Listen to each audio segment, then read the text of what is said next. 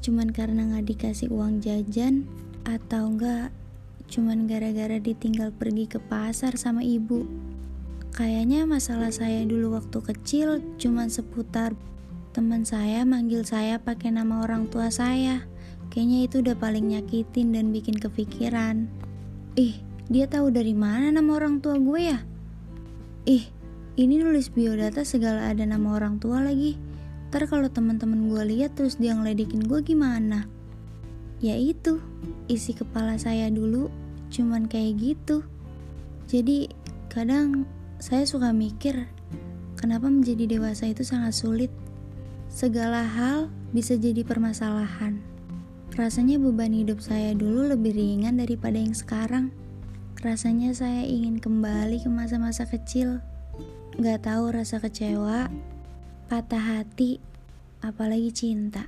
Saya kadang mikir, saya ngerasain kayak gini, kapan ya? Gak tahu kenapa, rasanya hidup makin sulit makin ke sini. Apa yang bikin saya bisa kayak gini ya dulu? Saya sendiri lupa. Berawal dari mana sampai saya tahu sakit hati rasanya seperti ini. Mulai sejak kapan saya mengeluh rasanya sakit hati? Gak tahu, udah terlalu sering. Hidup tuh cuma perihal bakalan ada perpisahan setelah pertemuan dan kita nggak bisa milih. Kita harus nerima kalau kenyataannya udah datang. Kamu yang ada bakalan digantiin sama yang lain. Dan itu fakta. Rasanya saya pengen banget ngeluh. Aduh saya capek banget kayak gini.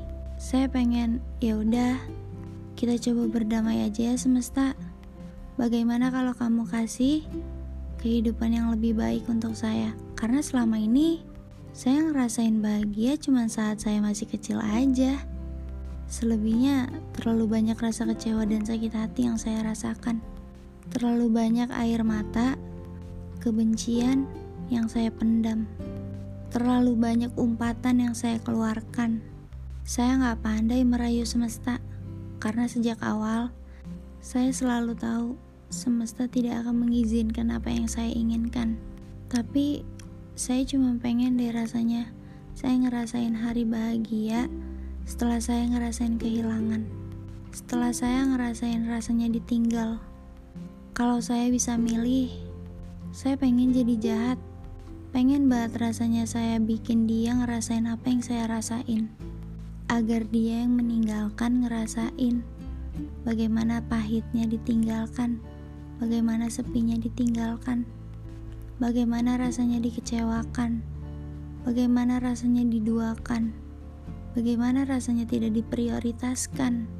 Iya, saya tahu, mungkin ini karma, karena sejujurnya saya percaya karma itu ada.